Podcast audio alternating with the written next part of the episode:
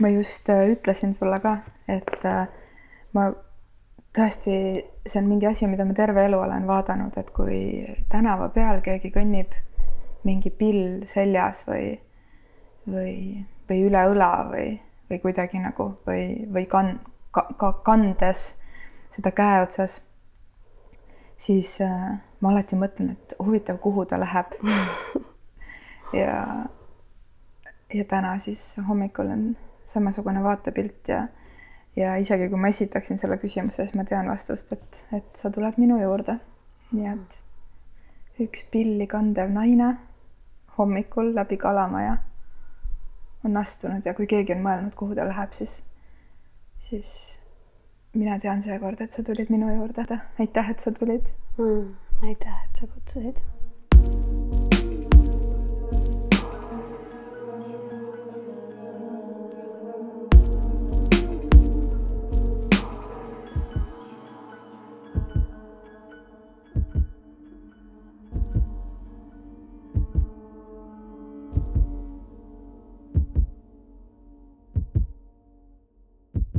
kui ma mõtlen äh, tagasi mingisuguste aegade algusesse, siis tegelikult esimese asjana ikkagi sa seostud minu jaoks päriselt ka muusikaga. ja see muusika on midagi sellist, mis minu jaoks on üks kõige suuremaid müstikaid, kuidagi suurem müstika kui mingid muud füüsikaseadused või mingid algoritmid või, või mingid IT-lahendused või, või jootekolbiga. Millegi sulatamine. Hmm.. aga see, kuidas tekib viis või meloodia, on midagi sellist, mis mulle tundub lihtsalt täiesti, täiesti hoomamatu. nii et kuidas, Jane, on selline lugu olemas, et sinu seest tuleb välja muusika nii ilusti küsitud. kuidas on nii, et minu seest tuleb välja muusika? hääle tegemine eneseväljendus läbi heli on äh, midagi sellist ürgomast inimesele.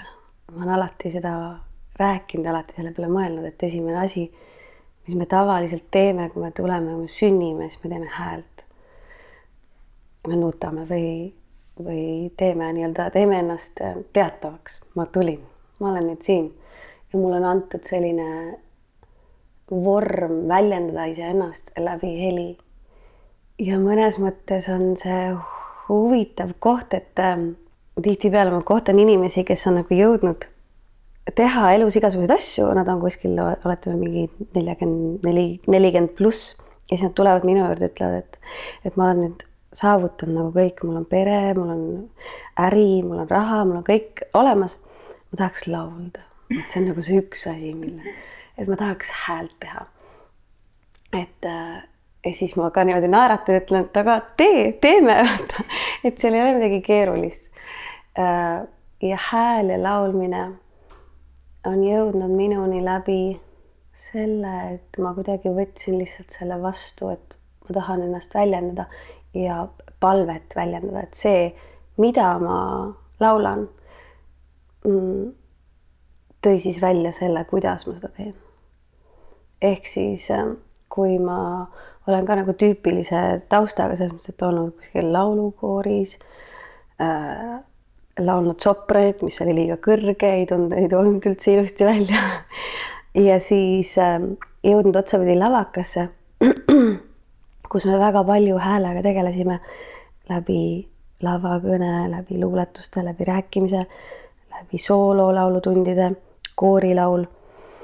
ja, ja sealt ikkagi nagu tekkis mingi põrgatus läbi teatud õppejõudude, et laulda ma ei oska.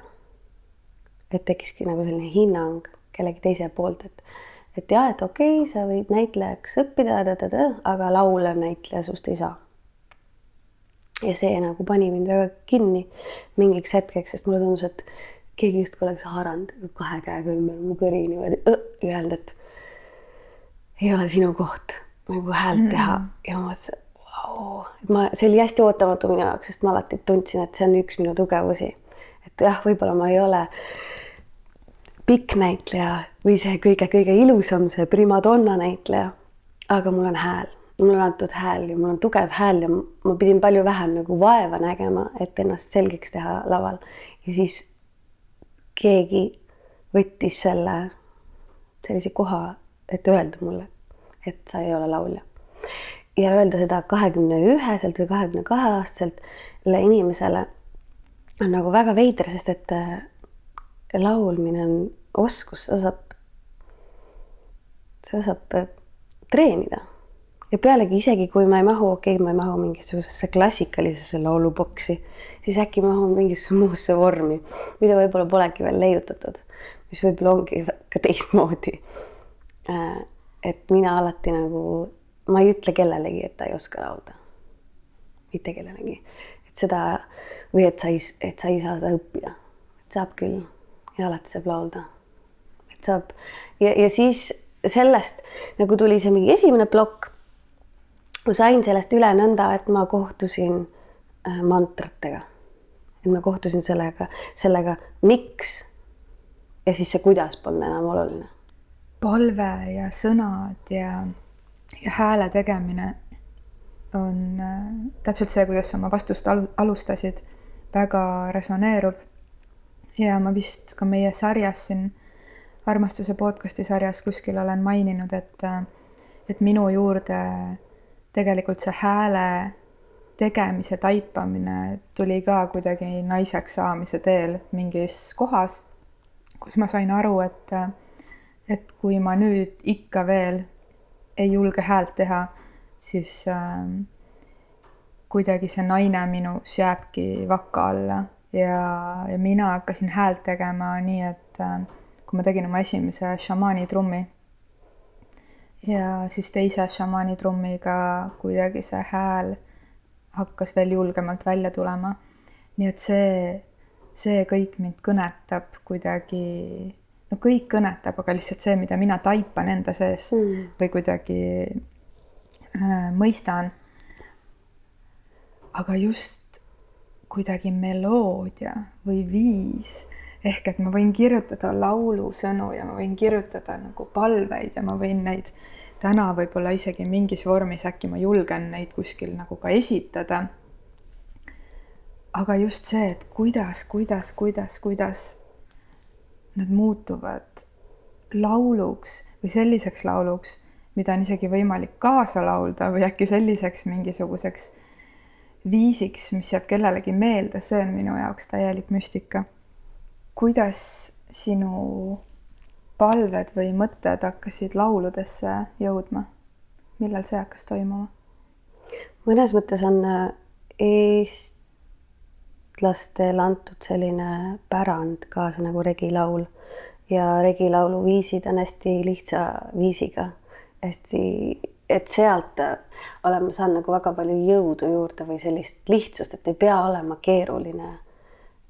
Et kui mul tuleb mingi mõte või idee või lause, siis et teda panna lihtsasse viisi äh, on okei okay,, et tal ei pea olema mingisugust sellist äh, algoritmi seal taga, et oh, kuhu ma nüüd selle viisiga lähen ja ma ei ole väga palju viise ise kirjutanud, et pigem on olnud see kuidagi niimoodi, et ma kas laulan mantraid, mis on juba kellegi teise poolt tehtud, nii viisi kui sõnadega. ja siis võib-olla tõlgi, tõlgin seda kuidagi eesti keelde.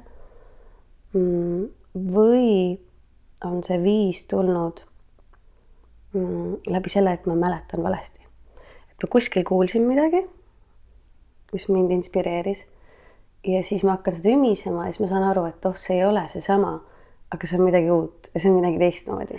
ja siin on midagi juba nagu minu, läbi minu filtri tulnud. ja siis, äh, ja siis ma hakkan teda laulma oma viisiga ja see ongi nagu minu, minu viis, minu interpretatsioon sellest.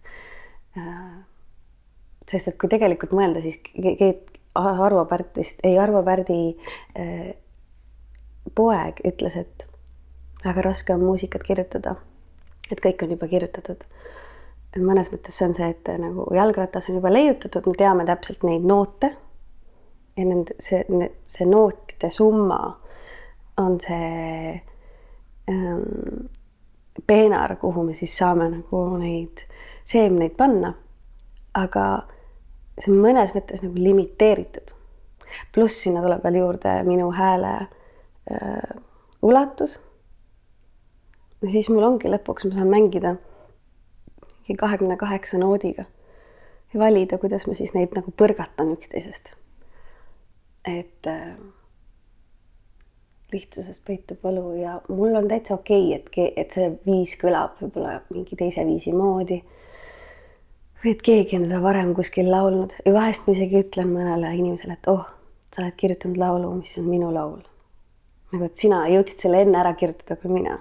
Ja see on ka okei okay. et ma ei hoia enam kinni sellest originaalsusest või et kuidagi minu laul, minu kirjutatud sõnad või minu mõeldud mõte, minu sünnitatud viis. et äh, need viisid, see võib kuidagi tulla sinust, minust, põrgatada. ja me ei küsinud seda sellepärast, et sa oleksid Eesti kõige mida iganes tuntum, parem äh, laulja, vaid lihtsalt sellepärast, et sa oled puudutanud nii paljusid inimesi ja loonud selle uue mõistmise või, või loonud selle võimalikkuse et inimesed on julgenud rohkem laulma hakata. Hmm.. mis need väelaulud on? Väelaulud, see sõna väelaulud tuli siis äh, koos Tommiga, kui me tegime neid ringe koos. toimetus siis ütleb sulgudes Tom Valsberg. see hakkas ikkagi pihta sellest India traditsioonist, et need sanskriti-keelsed mantrad ehk kirtanid ähm, kus me laulsime põhiliselt sanskriti keeles ja siis hakkasid tekkima eestikeelsed laulud ja kui nad segunesid, et nad ei olnud regilaul, ei olnud mantra, siis järsku me mõtlesime, et aga mis ta siis on, kui me nüüd oleme nagu ise uue vormi mõelnud välja. et äh, mis, kuskohast see, see sõna võiks tulla ja ikkagi anda talle jõudu juurde eestikeelse sõnana, siis tuligi see väelaul ja see vägi on midagi sellist, mida mingis muus keeles ei ole.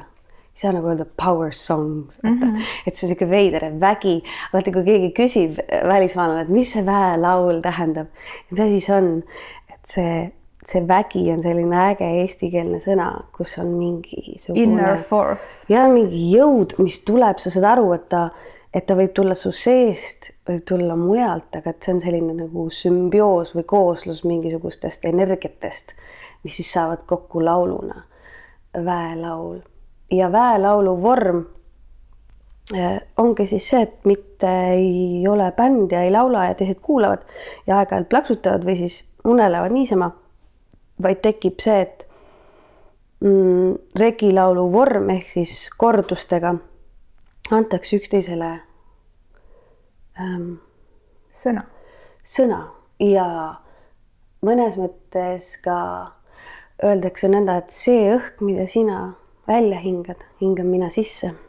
ja see, mida mina välja hingan, hingad sina sisse, et tekib selline nagu lainetus mm.. ja siis läbi selle äh, tekib selline psühhedeelne põrkumine ja need sõnad võivad kesta, täpselt samad sõnad, mingi üks lause.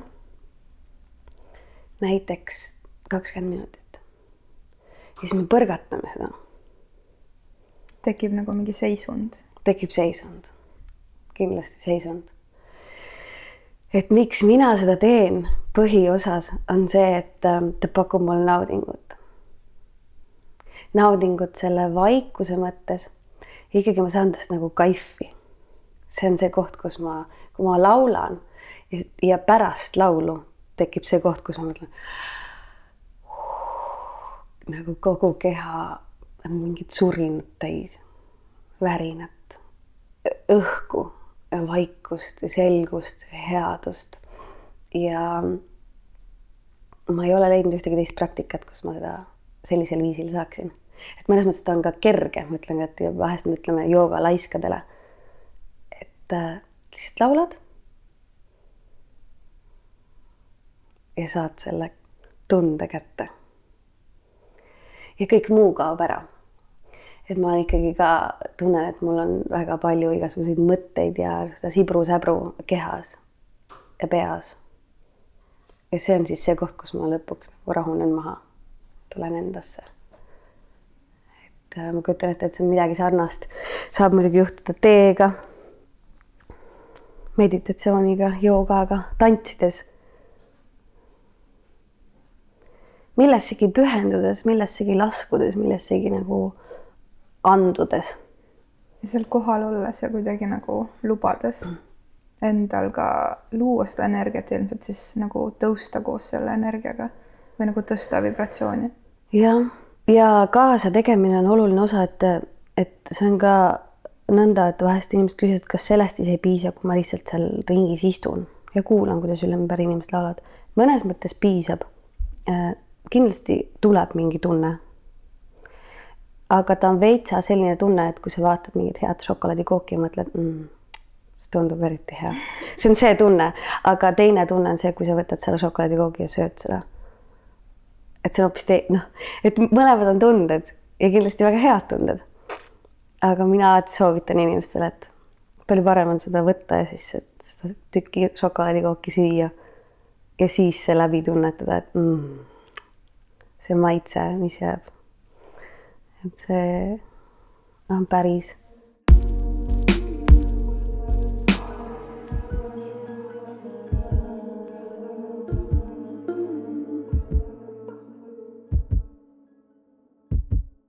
hüpates tagasi äh, sellesse hetke, kus, ähm, kus sa õppisid näitlejaks. mul on väga palju tutvusringkonnas inimesi, kes kas on näitlejad või on näitlejaks õppinud, siis äh, kuidas sinu elu pärast lavaka lõppu edasi läks äh, niimoodi üldjoontes, et jõuda selleni, ma tahan jõuda selleni, et, et sa ei ole juba aastaid, aastaid, aastaid talvel Eestis elanud mm. -hmm. et kui sa lavaka lõpetasid, kuidas see elu siis edasi läks, sest et sa näitlejana kuskil ei tööta mm? -hmm et äh, lavaka ma lõpetasin, aasta oli siis kaks tuhat kaksteist ja mind juba siis väga-väga kiskus äh, reisima ja rändama. ja üks selline poeetiline põhjus, mis ma juba siis äh, nagu tundsin, oli see, et ma tundsin, et mu silmade taga ei ole lugusid.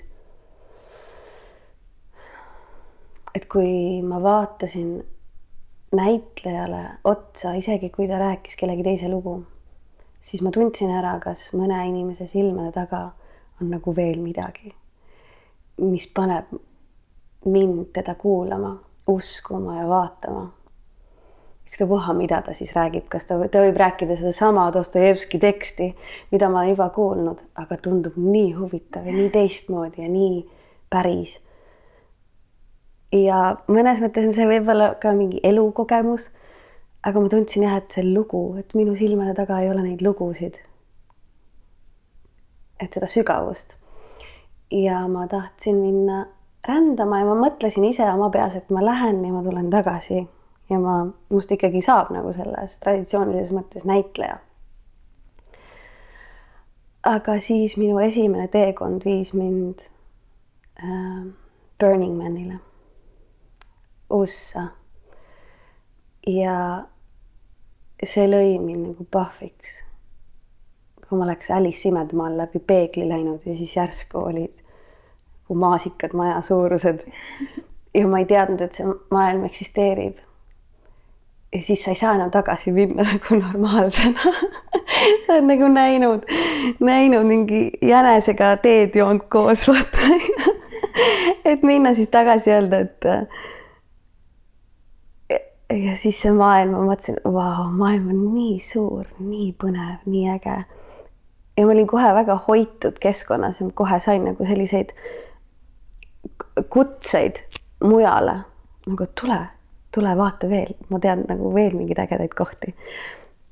ja sealt hakkas lahti rulluma mingi tee minu jaoks, kus ma mõtlesin, mul ei ole mõtet tagasi kunagi enam minna, et ainult edasi. et kui see edasi tee viib mind näitlemiseni, siis on okei okay ja kui ta ei vii, on ka väga okei okay. et ma järsk lasin lahti sellest kontseptsioonist, Jane Kruus, näitleja. ja no ja siis väga kiiresti saabus minu ellu selliseid inimesi, kes olid näitlejad, aga nendest olid sellel hetkel saanud juba šamaanid, ravitsejad, tervendajad, ruumihoidjad. ja siis äh, üks nendest oli Tarpan, kes ütles, et me kõik oleme näitlejad ja et šamaan on kõige, kõige suurem näitleja siin maailmas.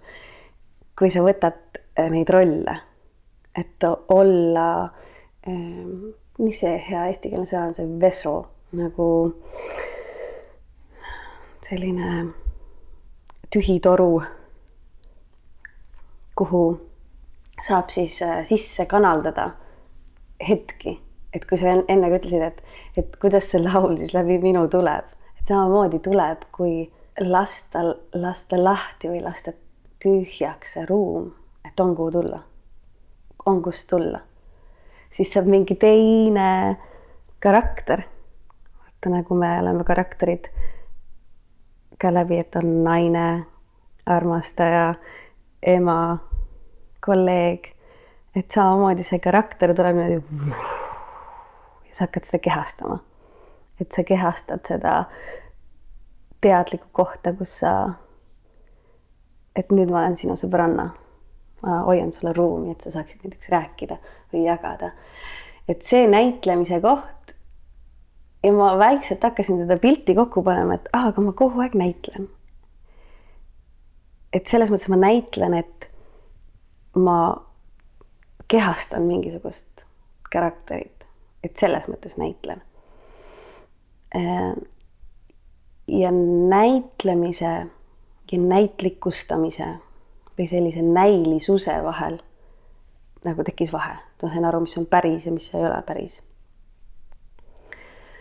ja, ja teine huvitav asi oli see, et ma sain aru, et karakter, mis on kõige huvitavam, mida ma tahaks selles elus mängida, on ikkagi mina. Et ei ole olemas teist ja et seda peab ka õppima. et ma justkui mõtlesin, et mina ju olen kogu aeg siin ja ma olen minuna sündinud minu hääl, ma ei pea oma mõtteid kuskilt paberilt ette lugema ja meelde jätma, et need tulevad. aga see ei ole nii. see on nagu sihuke raamat, mis ei lõpegi kunagi ära, mida saab kogu aeg uuesti avastada ja avastada. ja jah, et mul ei ole vaja kellegi teise sõnu.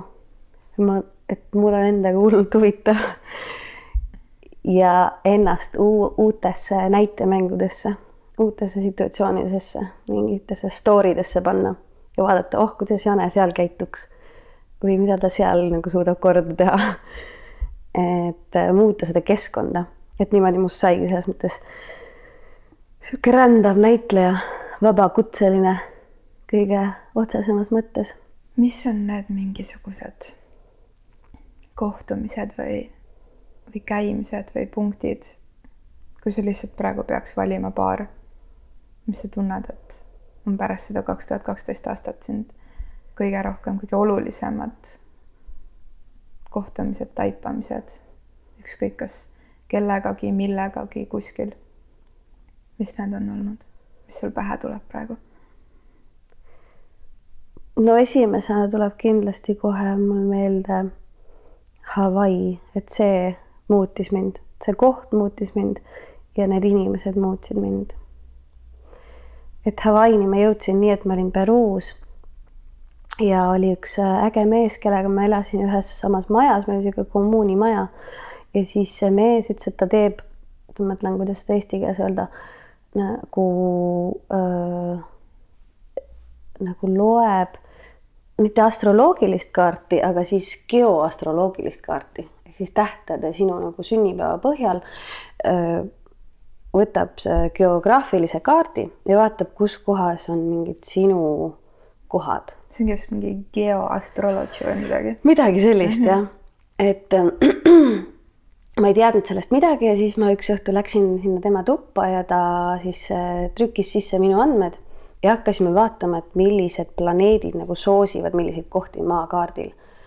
ja noh, see oli seal, et kuidagi Eesti on niisugune neutraalne ja mõnus koht, kus mul on väga lihtne olla, et mingid kohad, nagu ma sain aru, et kus, miks ma olen käinud, miks ma olen käinud Kopangani saarel palju ja miks mõnes maailma punktis on nagu raske olla ja miks mõnes on väga kerge olla. ja kõige enam sealt nagu välja hüppas see Hawaii, Hawaii saared, mis on ju keset ei midagit, seal kuskil ookeanis on ju. ja sinna jooksid kokku minu Äh, planeedid, mis, äh, mille, mida tema ütles, et, et seal sa tunned ennast kodus. ja siis jooksid sealt läbi veel minu õnneplaneet, sihuke kollane, ma mäletan, ma ei tea, ma ei mäleta, mis see täpselt oli. aga et seal sa oled õnnelik. Ja sellest hetkest alates ma mõtlesin, no ma pean sinna Hawaii'le saama, et kuidas ma sinna saan, et see on tõesti väga kaugel ja sinna peab nagu mitme lennukiga sõitma ja see ei ole nagu nii lihtne aga siis mu siht silme ees ja ma jõudsin sinna Hawaii'le. ja ma läksin Maui saarele läbi intuitsiooni lihtsalt. ma läksin nii, et ma ei, et ma ei teadnud, kuhu ma lähen või kus ma ööbin. Ja intuitsioon viis mind ühte kom-, community'sse või sellisesse tribe'i kuhu ma siis paikseks jäin ja kuhu ma pärast olen ka tagasi läinud kaks korda. kus ma tõesti tundsin ennast kodus. kui nii veider, kui see ka ei ole, et selliste suure võimsa ookeani kaldal, kus peaaegu kõik taimed ei ole ju minu kodukased ja männid, vaid on palmipuud ja tuurenipuud ja papaiapuud seal ma tundsin, et ah, ma olen siit pärit hmm.. ma pole Hawaii'l käinud. aga kui ma nüüd nagu vaatan sind niisuguse Hawaii pilguga siis, siis, siis mingisugune nagu lahkus või mingi sel-, see Hawaii lahkus on sinus täiesti olemas. Et see Hawaii lahkus on üliäge, et see on päris. Et see, mida me, kui, kui sa ei ole nagu Hawaii'l käinud ja mõtled, et aa, neil on seal need lilled kaelas onju, tüdrukutel on siuksed ilusad äh, mingid palmilehtedest seelikud ja siis see muusika seal taustal siuke mm, -hmm. siis täpselt selline see ongi, see maa ise on selline.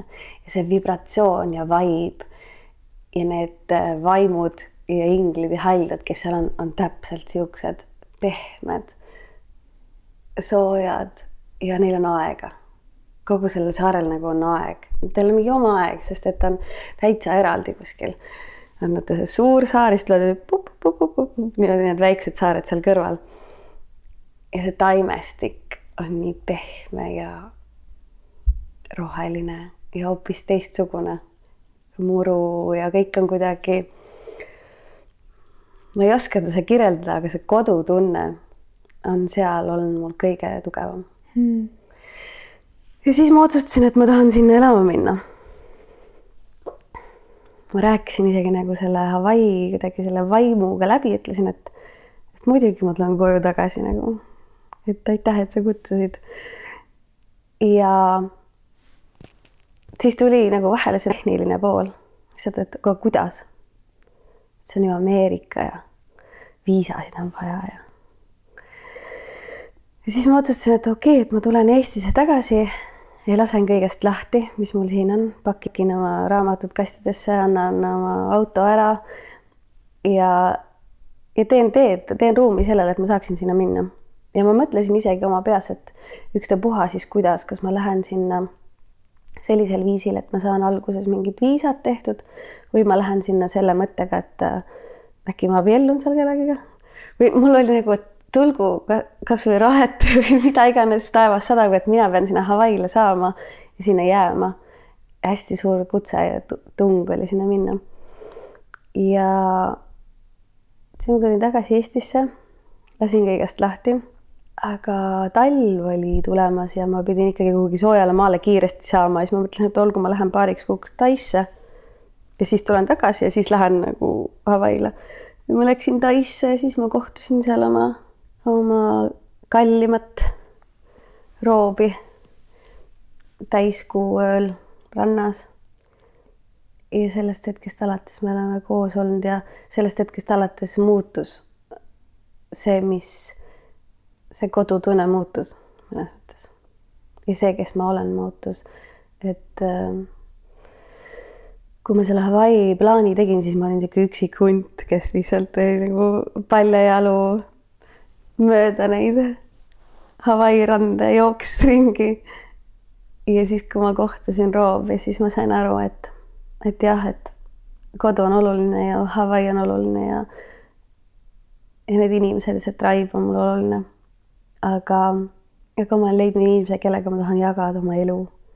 ja ma pean temaga ka arvestama, andma talle ruumi. leida see kodutunne üksteises kõigepealt. Ja siis küll me jõuame sinna Hawaii'le, kui vaja on. ilus tead, et äh, mu üks äh, USA sõbranna õpib ka seda geoastrologit mm. ja siis ta vaatas minu neid äh, jooni nii-öelda. kuna ma ise ei ole sellega nii tuttav, siis mul tema puhul ei jäänud muud üle, kui teda usaldada, ka lihtsalt neid jooni nähes äh,. Siis ta oli nii üllatunud, et ta oli üle neljakümnele inimesele teinud seda kaarti ja, ja noh, jaganud siis soovitusi ja kuulanud peegeldusi aga ta ei olnud kohanud ühtegi inimest, kes elab seal, kuhu tema jooned kõige paremini jooksevad ja toetavad. nii et Elina Eestis on nagu kõige rohkem kodus üldse wow.. ja mulle hullult meeldib reisida. tõesti meeldib. Aga mul juhtub pärast umbes teist või kolmandat nädalat niisugune asi, kus mul hakkab lõug värisema tuleb, tuleb selline koduigatsus oh,, wow. et, et noh, nagu niisugune ületamatu, ületamatu koduigatsus, mis ei tähenda, et ma oleks kauem reisil olnud ja mis ei tähenda, et ma nagu kodeeriks endale seda sisse. Äh, sest et mõnikord see tuleb ka teise nädala peale, mõnikord hiljem, on ju. Aga et äh, ma olen täielik nagu noh, ma olen Eestis, siis ma olen nagu täiesti, täiesti kodus. et äh, lihtsalt äge oli seda näiteks üks viis, mida uskuda või, või vaadelda, et see kaart on ju et näitas ka seda. loomulikult on mingeid punkte, kus mul on oluline ära käia, et midagi taibata mm., aga just see nagu, et kus sa oled oma täisvõimsuses ja kodus oli mul, mul siin. nii et äh, päris äge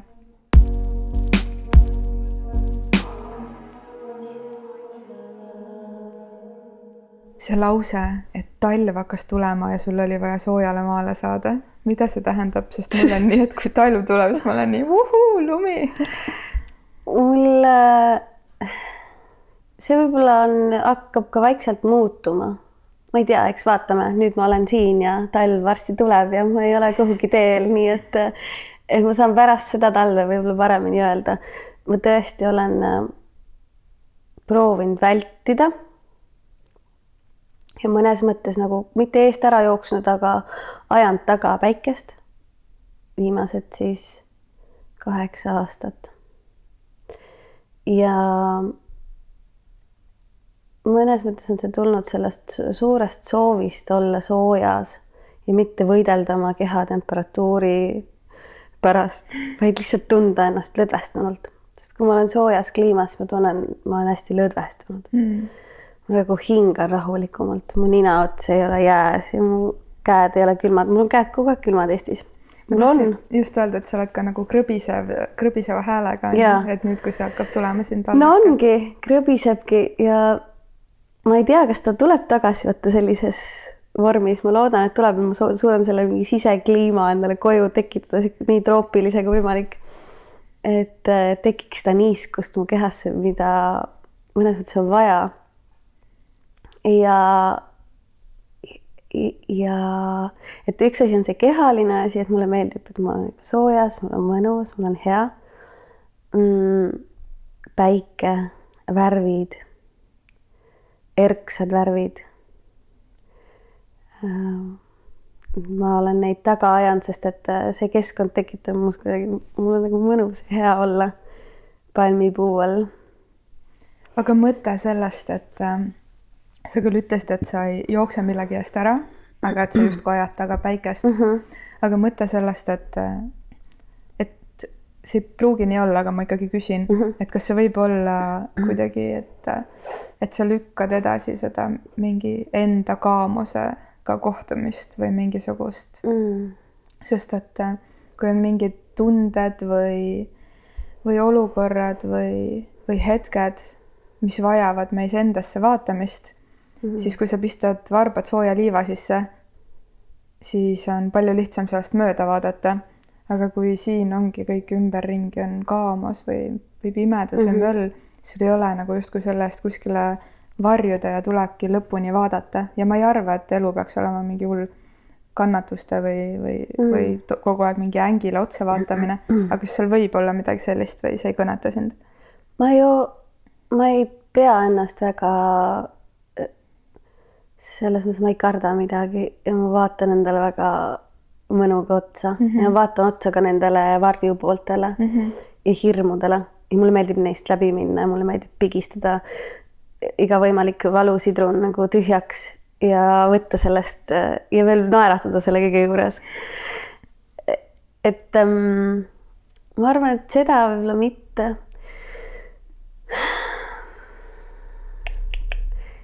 Paljud küsivad seda, noh, kuidagi nagu need just rohkem need inimesed, kes on avastanud või, või harjunud või armastavad seda Eesti kõiksu, kõiksugust ilma ja kõike, mida see Eesti nagu kaasa toob endaga. mul on olnud vaja olla need kaheksa talve Eestist ära selleks, et kasvada hoopis mingil täitsa teisel levelil, et äh, see suve vibe, ma olen küll ka sügises olnud, et kui ma tavaliselt olen läinud näiteks Californiasse, siis seal on olnud äh, sihuke pikk, see on hästi pikk soe sügis, nagu meil siin hetkel on. seal kestab see paar kuud ja niimoodi, et sa saad veel nagu dressikaga kogu aeg olla seal lehtede sees möllata. et neid ilmasid on olnud erinevaid. aga season kui selline, et need, see aastaaegade vaheldus toimub igal pool mm.. olenemata sellest, kas, kas meil sajab nagu, et, et, et see aastaaeg ei ole ainult see ilmamuutus või see, et nüüd hakkab lörtsi sadama, et siis aastaaeg muutus.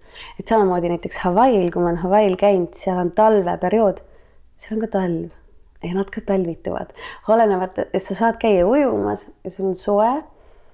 aga see muutus on mingi sisemine muutus mm. ja ikka tehakse tuld ja sooja kakaod ja istutakse koos ja vaadatakse endasse ja suletakse silmad, istutakse meditatsioonis ja palves. et seda endasse vaatamist äh, on igal pool.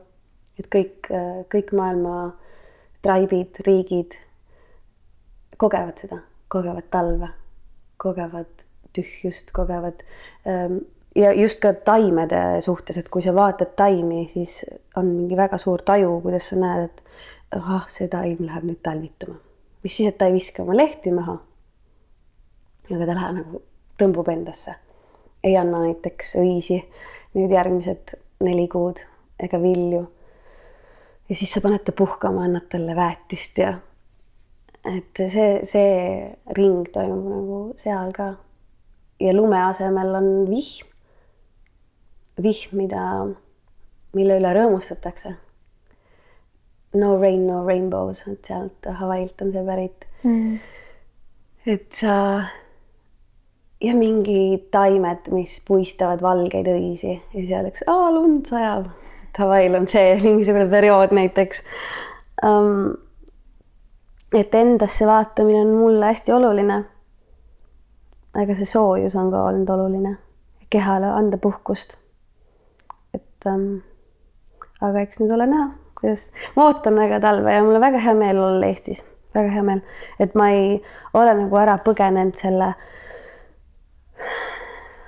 selle tunde eest, et, et lehed lahkuvad puult ja tuleb pimedus, et ma ootan seda, aga praegu ma olen nagu hästi ette valmistunud, sest et mul on kamin ja vann ja saun ja et ma kuidagi tunnen, et ma olen nagu veitsa eh, noh, kuna ma ei ole kaua aega olnud siin, siis ma tunnen, et ja ma olen teinud nagu sihuke survival list, et mida on vaja, et talv nagu kõige mõnusamalt üle, mitte üle elada, aga et talve nautida. talve mõnusalt. nautida mõnusalt, et võib ju olla nii, et on hea kogu aeg ka, et ei pea olema külm äh, jah. ilus vastus, aitäh mm. -hmm. Laulude ja siis selle Eesti ja välismaa silla mõttena, et kui sa neid väelaule oled teinud mm -hmm. siin kodumaal või siis äh, näiteks Tais mitte, et ma ei arva, et peaks kogu aeg võrdlema, aga see küsimus tekkis, et, et kas, kas on kuidagi teistmoodi ka, et kas, kas seal laulda kambas on energia kuidagi teistsugusem kui Eestis suures jaos ikkagi eestlastega laulda, kindlasti on välismaalasi ka. et kas eestlased tulevad samamoodi kaasa või, või pigem mitte või mis see kõige suurem erinevus või sarnasus on? eestlased on väga head lauljad. et äh, kui seda, kui see lauluringi nii-öelda mass on piisavalt suur mm, -hmm. et kui on ainult võib-olla kümme inimest ringis, et siis võib tekkida selline alguses nagu pigem niisugune nagu argus või et pead nagu julgustama väga neid inimesi laulma. aga kui juba seda, seda massi on rohkem, et inimene tunneb, et oh, ma olen koori sees, et keegi nagu mind isiklikult ei vaata ja veel julgustada teda ka ja anda lihtne laul, siis eestlane laulab nii, et noh, maja väriseb. Äh, et võib-olla isegi on nagu Eestis vahetevahel, kui ma tulen tagasi, ma olen kuidagi oo, vau, nii äge. et ma ei pea üldse midagi kuidagi võimlema seal ees, et neid laulma panna, vaid andma lihtsalt, et nüüd ja siis tuleb sealt niisugust Eesti koorilaulu ähm,. välismaal oleneb oleneb kohast, oleneb inimestest. Seal on inimesed võib-olla rohkem harjunud lihtsalt selle sanskriti keelega ja, ja sellega, et kui ma seda siia Eestisse toon, siis Eestis ikkagi äh, vajab selgitamist. alati ma pean selgitama, miks ja kust ja kuidas ja mida me laulame, miks me laulame mm,. võib-olla see on veitsa võõras, aga kui laulda eestikeelseid laule või ingliskeelseid laule, siis on nagu okei okay., on lihtne eestlastega. aga mina olen ise väga suur sanskriti keele fänn ja nende mantrate fänn. selle nähtamatu maailma.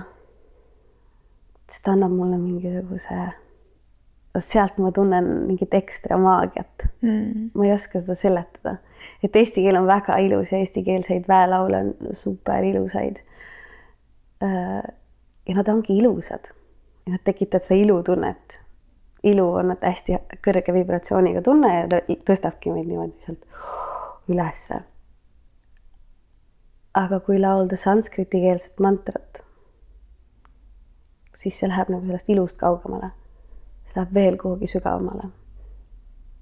mingisse teise dimensiooni, sest ta on nii vana, nii vana traditsioon, ikkagi nagu sihuke loits, selline esi, esi, esivanemate jumalate loits kuskilt, mida mina ka ei mõista. mõnes mõttes keegi ei mõista, isegi mitte need, kes Indias sanskriti keelt räägivad või loevad või veedasid on lugenud või selle järgi elavad. Nende jaoks on ka see müstika. see on see great mystery. ja, ja seal peab olema lihtsalt usaldus. et see keel ei ole see, et sanskriti keeles, kuidas öelda sanskriti keeles, pane tass lauale, et sellist asja ei eksisteeri et sanskriti keel eksisteeribki ainult palve vormis, ainult vibratsioonis. sa võtsid pilli kaasa? võtsin pilli kaasa. kas tahaksid seda sanskriti keelt natuke laulukeelde tõlkida? võib küll. siia vahepalaks. thank you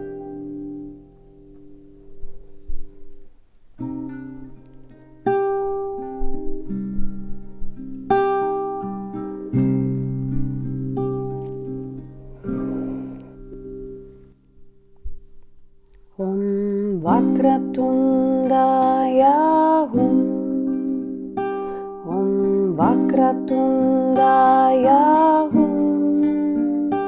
Om Vakratundaya Dimahi Om Vakratundaya Dimahi Avatara Namaha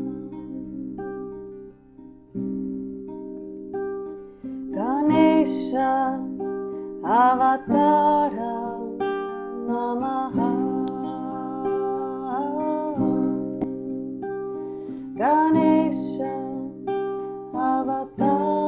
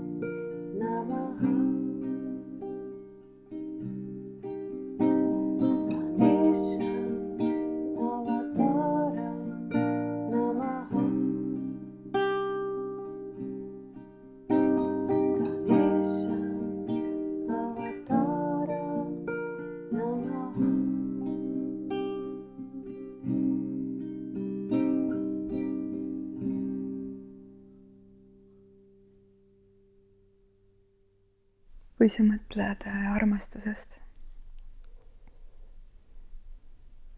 mis sul esimesena pähe või südamesse tuleb?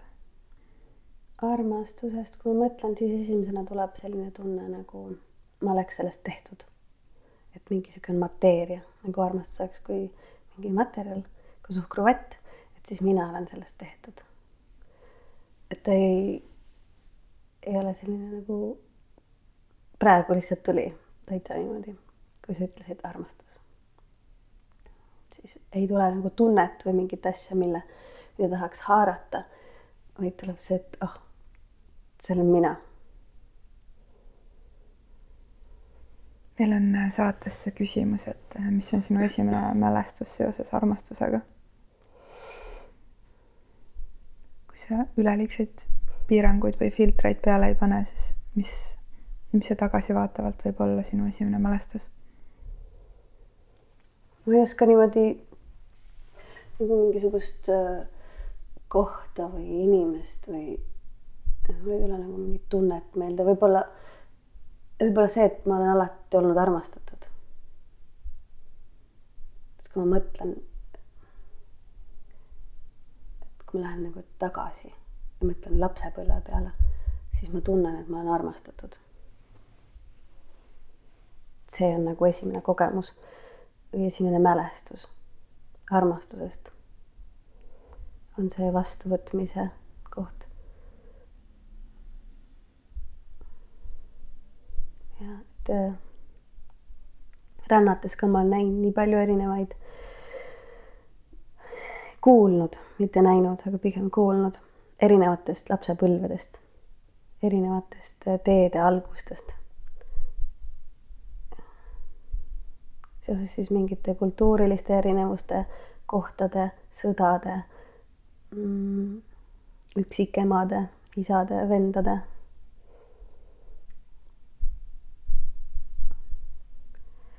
ja siis ma alati mõtlen, et vau. et tõesti minu kohta mõnes mõttes käib see sündinud hõbelusikas suus. ma kogu aeg olnud armastatud, sündinud nagu vabana. ja jah, et see, see on minu esimene kogemus. tead, ma arvan, et nende episoodide jooksul, mis me salvestanud oleme, ma ei mäleta, et keegi oleks nõnda vastanud. mis ei tähenda, et kellelgi ei võiks olla sellist tunnet. aga kui me oleme küsinud, ma ei mäleta, et keegi oleks nõnda vastanud. aitäh. jääks nüüd kümblema selle vastuse sisse mm.. nii ilus. Kuna sa tegeled ka sellise ravitseva tööga, mis on seotud äh, kas äh, tseremooniatega või, või ruumi hoidmisega heli või muul, muul moel. ja nüüd siit armastusest edasi liikudes või selle, selle sisse jäädes. mis sa tunned või näed, mida inimesed kuidagi kõige rohkem vajavad või millest puudust tunnevad mida kuidagi igapäevaselt rohkem märgata või toetada. ja mil viisil? palju küsimusi mm. -hmm.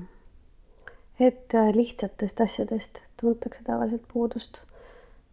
ma olen seda nii kuulnud kui inimestelt kui ka mm, näen lihtsatest selles mõttes, et äh, koos olemisest, koos loomisest, puudutustest et alati, kui ma teen väelaule, siis väelaulude lõpus ma ütlen, et nüüd palun kallistada. ja see on hästi oluline, et ma seda ütlen. et siis tekib see ruum, kus ka võõrad üksteist kallistavad.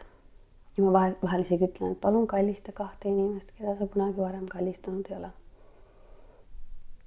Ja et selle kallistuse taga või selle puudutuse taga ei peagi midagi rohkemat olema kui see kallistus et äh, see tunne, et me oleme siin koos nüüd loonud seda ruumi, hoidnud seda ruumi. ja me lähme siit edasi. aitäh, et sa olid mu kõrval või minu selja taga või minu ees. ja lihtsatest asjadest, et äh, puudutusest, vaikusest, et keegi, et keegi meid kuuleks, kuulaks, hooliks, küsiks ja hoiaks ruumi et nii veider, kui see ka ei ole, see ruumi hoidmine. et mis on sinu põhitöö, ma hoian ruumi. mida siis on mm -hmm. veits sihuke pseudo ja mm -hmm. väga paljudele tundubki niisugune umamuudu, et mis mingi esoteeriline mingi ruumi hoidmine käib aga ruumi hoidmine on täitsa reaalne asi. täiesti reaalne asi on olla olemas sellel hetkel sellises terapeutilises vormis mm, kuulaja, hoidja, kaitsja, suunaja. et sa oled ikkagi laevakapten. see ei tähenda, et sa ise seda rooli kogu aeg seal niimoodi, suur müts peas. aga sa vaatad, kõik oleks okei okay.. et kõigil oleks kõhud täis. vaatad, et see vahepeal vaatad, kus see tüür on, kuhu poole me seilame et on selline emalik, isalik, kaptenilik roll selles ruumis hoida. ja siis selle tunnetab inimene ära, kui ta tunneb, et ah oh,, ma olen hoitud, et see on turvaline. maailm hoiab mind. meeldetuletus, meelde tuletada on oluline inimestele. et kõik on hästi et hoiame fookust, hingame. sa ei ole üksi. ma olen olemas. ja et me kõik käime läbi täpselt sama rada. vaadata otsa võõrastele inimestele, saada aru, et neil on täpselt samad etapid läbida. me kõik sünnime ja siis me õpime roomama, käima, rääkima, suhtlema, mõtlema, jagama, hoidma, protsessima. et me ei ole üksi selles. ja kellelgi ei ole kergem kui sul. ei kellelgi ei ole raskem kui sul. valu on erinev. aga sama. Et see, kui president torkab endale nõelaga näppu, ta tunneb sama valu kui see, kui torkab endale nõelaga näppu mm, nii-öelda poemüüja. et see, mis su amet on, sellest ei olene. see valu on sama ja seda protsessi me peame mõlemad samamoodi läbima. kuidagi see koht mind väga nagu kõnetab ja reisides ma olen seda palju näinud. eriti võib-olla algusaastatel, kui ma seal kuskil Stansteadi odavate piletitega lennujaamas pidin ööbima, et edasi sõita. ja sellel hetkel, kui saabub lennujaama öö, siis pole vahet, kas sul on haarimipüksid jalas või sul on pintsak seljas. sa oled ikkagi sealsama pingi peal krõnksus ja magad. kellelgi ei ole nagu ekstra antud vippvoodit. et me kõik oleme nagu sama seda võikut seal ostame ja odavat kohvi. et ähm, inimlikkus ja näha seda teineteises äh,, headust, empaatiat.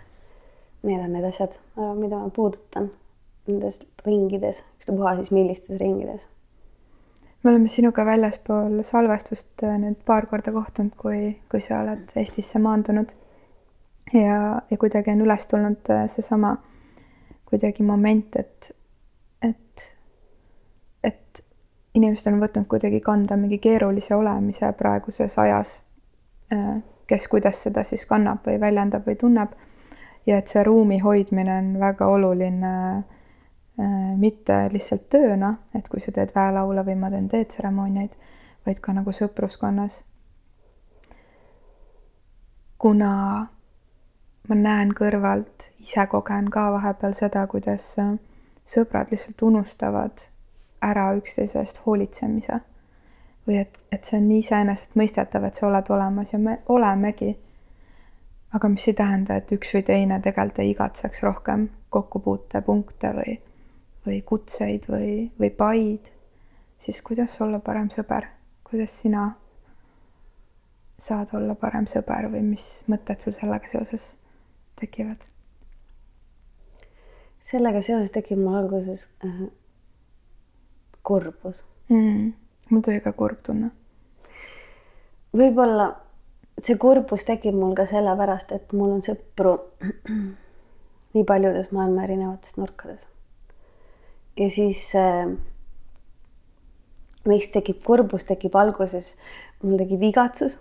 nii kui ma mõtlen, teen oma mõtte laiali, panen sinna maakaardi peale, mõtlen järsku, et ohoh, kuidas tal huvitav läheb või kuidas tal läheb või mida ta teinud on või ja et ma ei, ma ei suuda suhelda kõikide inimestega, ma ei ja ma ei ole ka kunagi olnud väga selline, kes peab sidet äh, distantsilt liiga palju natukene. aga ma olen hästi, kui ma olen kuskil riigis, ma olen seal kohal nende inimestega, kes seal parasjagu on. ja miks tekib kurbus, on see, et vahetevahel ma tunnen, et ma olen jätnud nagu unarusse. et mõned sõbrad ei mõista seda minu äraminemist ja tagasi tulemist. kuidas olla parem sõber olla kohal nendel hetkedel, kus sa oled kohal. Ja jääda ausaks, lõpuni välja ausaks, et kui ei tule see palju õnne sünnipäevaks kaart sulle kuskilt merede tagant, siis see on okei okay ja seda ei, et sellest ei, ei tasu puudust tunda või et kuidagi võtta seda mingi märgina, et oh, ta on nagu tõeline sõber, ta mäletas, et mul on sünnipäev et võib-olla see sõpruse mõiste ja need ähm, äh, terminid, aga et kes on sõber, et seda laiendada. või kui mõelda, et mis see sõprus siis tähendab, et kas see tähendab seda, et, et me oleme koos nagu piisavalt palju, meil on piisavalt palju mälestusi koos. et kas siis on sõber või on see sõber, kes sellel hetkel, kui sul on vaja mingit puid tassida, tuleb, aitab sul neid puid tassida või et kuidas seda sõpruse mõistet või terminit nagu pinna laotada. kes on sõber? kes on? ma arvan, et sõber. et see tunne, see sõbralikkus on kes iganes, on, pakub sulle nagu headust või tuleb sulle vastu? on hea küsimus, mul ei ole nagu mingit head vastust veel välja mõeldud. ma just mõtlesin, et ma ei ole kunagi kelleltki vist küsinud seda ja mm. kui praegu sina küsiks minult, siis ma täitsa oleksin sarnases kohas. et kes see, kes see siis on või kui mina olen sõber, et kes, kes ma siis olen? ma olen olemas. ja ma tõesti ei taha ka kanda seda pinget, et kui ma ei jõua sünnipäevakaarti teha, et siis mind ei võetaks enam sõbrana või hmm. jätame selle siia õhku uh -huh. ja mhm. tegelikult ka kuulajatel, ma arvan, see on päris äge, äge koht, mille üle mõtiskleda just selles vormis, et kui tihti me justkui ootame oma sõpradelt midagi või loodame. aga nüüd, kui, kui sa ise mõtled, et kui sa oled sõber et mida see tähendab ja ja mida sa ise tegelikult teed ja mida sa soovid, et, et sulle peale ei manataks. nii et huvitav, et mõnikord, kui võtta see sõna armastus ja hakata selle kohta küsima ühte või teistpidi, on ka keeruline, aga praegu ma tunnen, et see sõbra küsimus oli isegi nagu keerulisem